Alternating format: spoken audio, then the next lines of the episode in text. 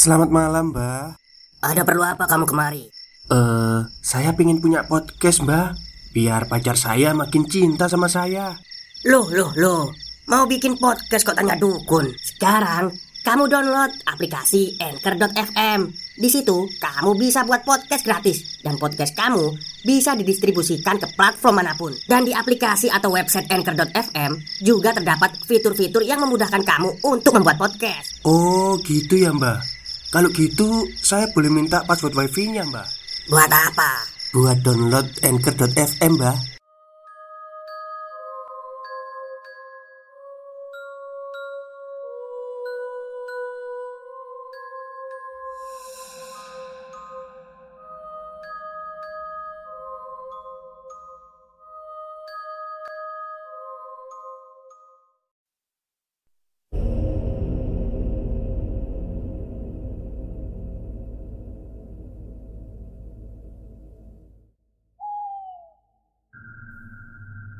Assalamualaikum warahmatullahi wabarakatuh. Halo semuanya. Jumpa lagi dengan saya Chow Sing Sing Kurator dari podcast Horror Night Story. Halo apa kabar semuanya? Semoga kalian semua baik-baik saja ya. Dan seperti biasanya pada siang hari ini saya kembali dan akan menghadirkan sebuah kisah mistis untuk kalian semua.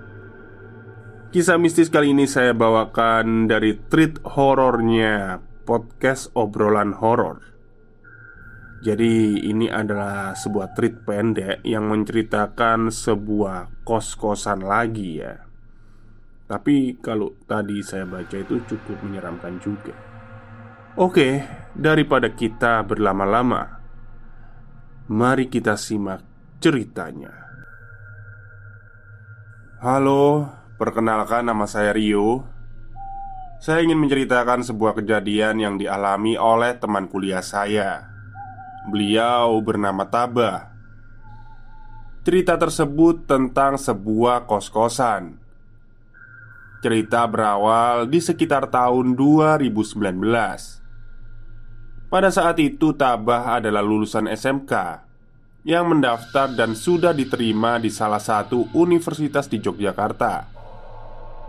Tabah sendiri berasal dari Wonogiri, di mana Wonogiri dan Jogja berjarak lumayan jauh, sekitar tiga jam jika naik motor, sehingga membuat Tabah harus mencari kos-kosan di Jogja agar lebih dekat dengan kampus. Singkat cerita, dalam pencarian kos Tabah Dibantu oleh salah satu rekan dari ibunya Tabah Yang menawarkan sebuah kos-kosan dekat kampus. Le, sudah dapat kos-kosan belum? Ini temennya ibu punya kenalan Yang ada kos-kosan dekat kampusmu.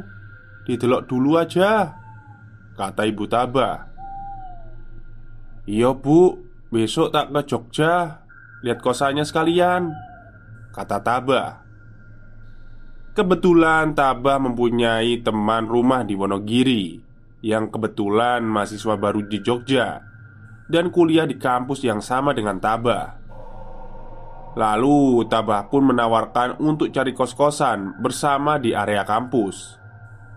Temannya ini bernama Ardi. Keesokan harinya Taba dan Ardi ke Jogja untuk melihat-lihat kos-kosan Yang ditawarkan oleh ibunya Tabah tadi Setelah sampai di area kos-kosan Taba dan Ardi menemui ibu kos Untuk melihat-lihat area kosan Yang akan jadi tempat tinggal Taba dan Ardi nanti selama kuliah di Jogja. Kosan ini terletak pas di belakang kampus Berlantai tiga tingkat. Di masing-masing lantai mempunyai 4-5 kamar. Dan Posisi kamar kos sepi tidak ada satupun mahasiswa atau penghuni kos. Taba dan Ardi adalah satu-satunya penghuni kos nantinya. Awalnya Taba dan Ardi bertanya-tanya Kok bisa ya? Kos-kosan dekat dengan kampus tapi kok nggak laku? Padahal pada saat itu harga yang ditawarkan untuk satu bulan adalah 250 ribu. Free tanpa bayar listrik, air, bahkan sudah disediakan kasur di kamar. Harga yang sangat murah untuk sebuah kos-kosan di Yogyakarta. Pada saat itu, ibu kos menawarkan untuk kami ambil per enam bulan dan akan diberikan diskon. Taba dan Ardi sepakat dan deal untuk mengambil enam bulan dan langsung dibayar cash oleh Taba dan Ardi. Setelah deal, Taba dan Ardi kembali pulang ke Wonogiri untuk menyiapkan keperluan ospek kampus yang akan diadakan dua minggu setelah mereka mendapatkan kos kemarin. Singkat cerita, Taba dan Ardi kembali berangkat ke Jogja untuk persiapan Hamin 3 menuju ospek kampus di Jogja. Hari pertama tinggal di kos itu, posisi kos Taba dan Ardi ada di lantai satu. Dengan jumlah total empat kamar. Satu kamar ditempati oleh salah satu anak dari ibu kos Yang kebetulan terkadang tinggal di kosan. Satu kamar kosong yang dijadikan sebagai gudang. Dua kamar ditempati Taba dan Ardi di mana mereka bersebelahan di lantai satu ini juga terdapat dua kamar mandi dan satu sumur yang berada jadi satu dengan dapur. Gambaran kos ini berbentuk dua kamar yang saling berhadapan dengan jalan lorong yang menuju ke kamar mandi dan juga dapur yang terdapat sumur tadi. Jadi, posisi kamar mandi dapur, dan sumur ada di satu ruangan. Saat hari mulai malam sekitar pukul 22.00 Tabah ingin ke kamar mandi. Di mana saat Tabah akan ke kamar mandi Dia akan melewati sebuah kamar kosong Yang tadi dijadikan gudang dengan posisi lampu mati. Dan pintunya terbuka sehingga gelapnya ruangan itu terlihat saat melintas. Tabah melihat ada sekelebat bayangan putih lewat di kamar itu. Tapi Tabah cuek dan bergegas melanjutkan jalannya ke kamar mandi. Gangguan yang pertama dialami Tabah ini hanya dijadikan halusinasi saja oleh Tabah dan tidak terlalu dimermasalahkan. Keesokan harinya, Taba dan Ardi pada siang hari keluar dari kos dan berencana keliling Jogja sambil mengenali Jogja selayaknya mahasiswa baru di sana. Ketika selesai keliling Jogja dan pulang sekitar maghrib, posisi lampu kos mati lampu tepat di kamarnya Taba. Saat itu Tabah langsung ke warung dan mencari bola lampu untuk diganti. Dan lampu kamar Tabah pun kembali menyala. Malam itu Tabah tidak bisa tidur. Padahal posisi lelah sehabis keliling Jogja. Tabah yang lagi main HP tiba-tiba dikagetkan karena gordennya terbang-terbang sendiri, seolah-olah tertiup oleh angin Padahal kamar tersebut tidak ada ventilasi. Hanya jendela kaca yang berada di dalam sebuah ruangan. Dan pada saat itu Taba belum menggunakan kipas angin. Di sini Taba sudah agak merinding. Melihat gordennya yang terbang sendiri. Seolah-olah tertiup angin Padahal tidak ada angin. Keesokan harinya Taba dan Ardi kembali keluar sore untuk mencari makan. Sepulang habis mencari makan, lagi-lagi Tabah mendapati lampu kamarnya putus kembali hingga mati. Tabah pun berbicara kepada Adi. Luala, mati lagi. Padahal kemarin udah tak belikan yang mahal loh. Tabah pun kembali mencari lampu untuk mengganti lampu yang putus itu. Keesokan harinya, Tabah dan Ardi harus mengikuti ospek kampus yang diadakan dari subuh jam 5 pagi. Taba dan Ardi mengikuti bermacam acara yang diadakan kampus sampai pulang sekitar jam 6 sore. Sepulang dari kampus, lagi-lagi Tabah mendapati lampu kamarnya putus kembali. Waduh, aneh ki Ucap Tabah. Dan Kembali Tabah pun keluar mencari bola lampu. Setelah mengganti lampu Tabah pun langsung tertidur karena lelah. Setelah ospek seharian di kampus tadi Tengah malam Tabah terbangun dan tidak bisa tidur kembali Tabah pun bermain HP Ketika Tabah bermain HP Tabah kaget karena posisi gagang pintu Tabah bergerak seolah mau dibuka dari luar. Gerakan gagang pintu itu sangat cepat. Ceklek, ceklek, ceklek. Tabah pun langsung refleks bangun dari tempat tidur dan membuka pintu. Namun ternyata tidak ada satu orang pun di luar kamar. Itu kejadian sekitar tengah malam jam 2 FYI Ardi adalah orang yang tidak bisa tidur malam. Di mana Ardi sudah sangat biasa. Jam 22 itu sudah sangat maksimal. Dia bisa menahan kantuk. Jadi Tabah sangat yakin tidak mungkin Ardi masih terbangun jam segini Tabah pun langsung segera menutup kembali pintu kamarnya Keesokan harinya Tabah mencoba mengkonfirmasi bahwa Ardi tidak mengganggunya semalam Kamu tadi malam buka kamarku ya? Ardi pun menjawab Hah? Jam berapa? Wong aku aja jam 9 sudah tidur Mendengar pernyataan Ardi Tabah merinding Namun kejadian malam itu tidak Tabah ceritakan ke Ardi karena Tabah tahu Ardi adalah orang yang sangat penakut.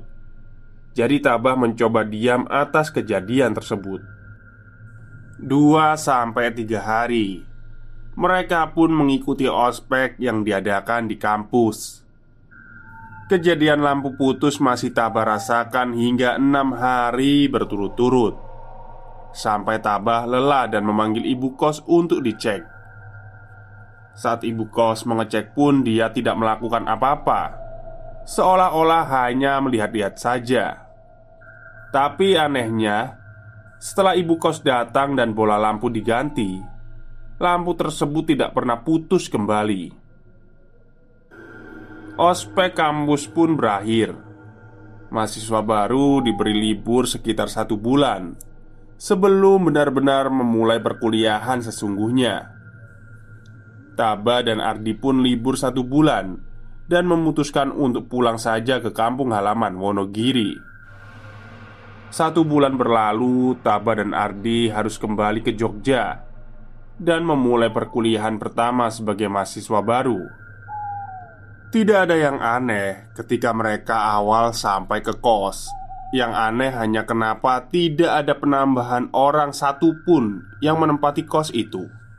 Padahal dari segi kos pada saat itu adalah tempat yang strategis. Dekat dengan kampus dan momennya juga tepat pada ajaran baru perkuliahan. Tetapi tidak ada satu orang pun yang tertarik untuk tinggal di kosan itu. Masih hanya kami berdua Di kosan tiga tingkat itu Perkuliahan pun dimulai hari pertama Berangkat pagi, pulang sore hari. Malam harinya Tabah pun kembali tidak bisa tidur. Dia sedang asyik bermain game. Tabah pun kembali dikagetkan dengan gagang pintu yang kembali mencoba dibuka dari luar bebarengan dengan gorden yang terbang dengan sendirinya. Untuk kali ini Tabah tidak berani membuka pintu karena posisi jam satu malam dan tidak mungkin Ardi yang mencoba masuk. Kejadian ini sudah sangat sering Tabah rasakan Sampai terbiasa dan tidak menceritakan hal ini ke Ardi Untuk menjaga agar Ardi tidak takut Stop, stop Kita break sebentar Jadi gimana? Kalian pengen punya podcast seperti saya? Jangan pakai dukun, pakai Anchor. Download sekarang juga. Gratis.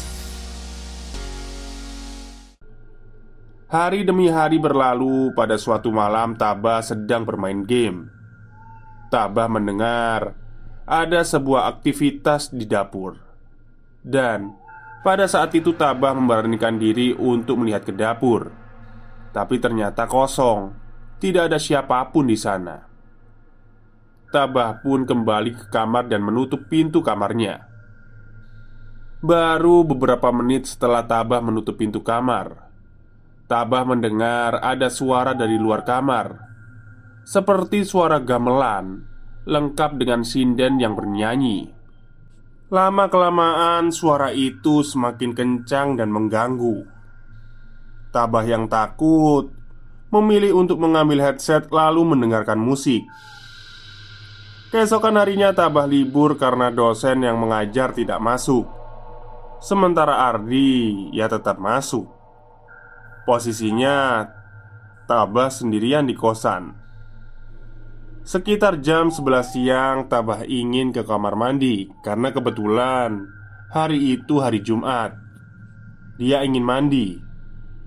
Tabah membuka pintu kamar mandi Tapi Saat membuka pintu kamar mandi Tabah kaget. Karena Tabah melihat sosok perempuan Yang tergantung di atas sumur. Bajunya putih, rambutnya panjang menutupi wajahnya. Dan dengan tali terikat di lehernya. Tabah pun histeris lari ke kamar Dan mengambil barang-barang Lalu ke masjid. Tabah benar-benar terbayang-bayang Sosok perempuan tersebut Dan belum berani pulang ke kosan Sementara Ardi pulang kampus sore setelah pulang Jumatan, Tabah pun memutuskan untuk nongkrong di warteg sambil makan siang dan mencoba melupakan kejadian menyeramkan itu. Ardi pun pulang dari kampus dan mengabari Tabah. Lalu disusul Tabah pun pulang ke kos.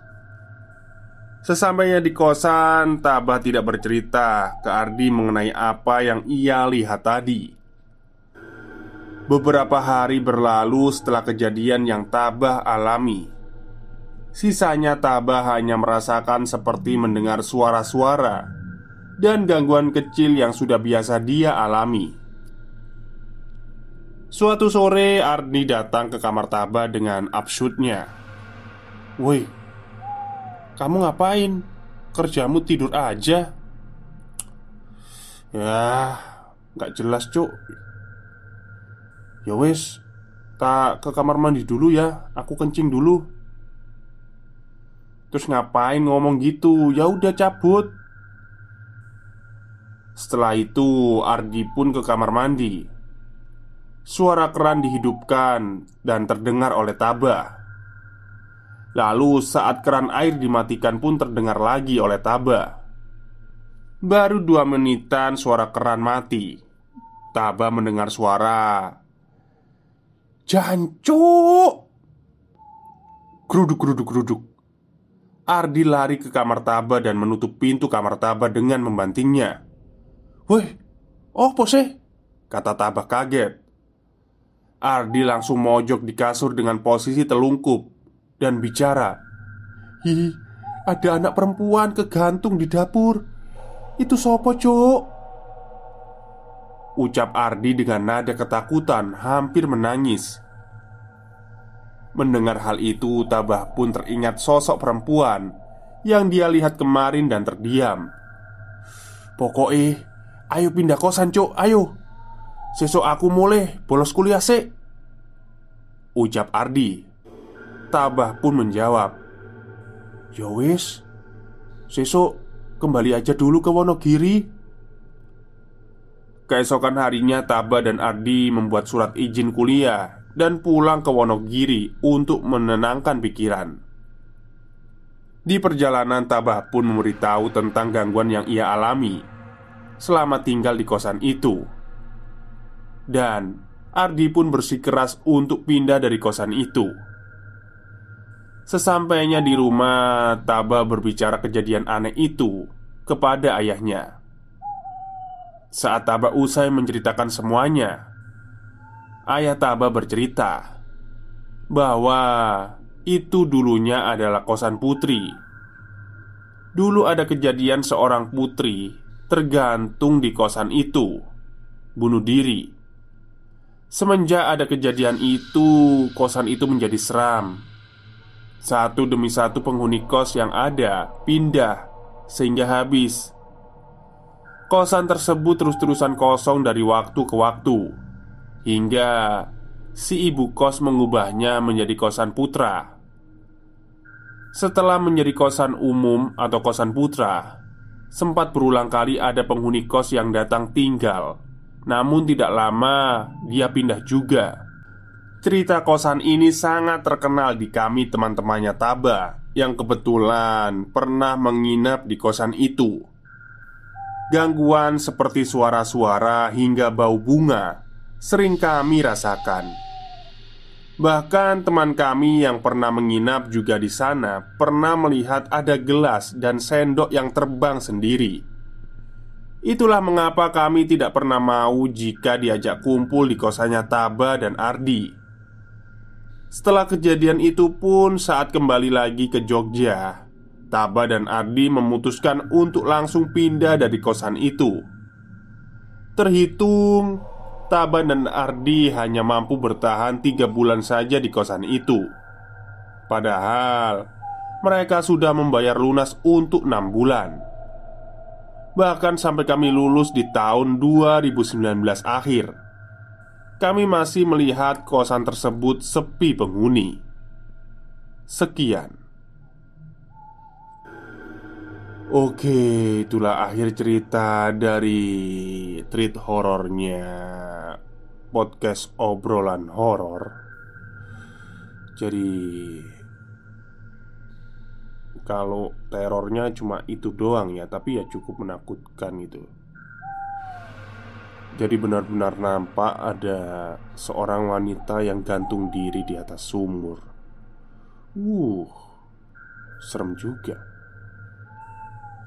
Tapi saya ini ya agak serem juga sih kosannya. Kenapa di dalam kosan ada sumur gitu ya? Atau mungkin sumurnya di luar saya nggak tahu juga sih. Kalau kalau dari ceritanya sih sumurnya ada di dalam, tapi nggak tahu juga lah. Oke mungkin itu saja untuk siang hari ini cerita horornya ya. Semoga kalian semua suka dan bisa menemani hari istirahat kalian Selamat siang dan selamat beristirahat.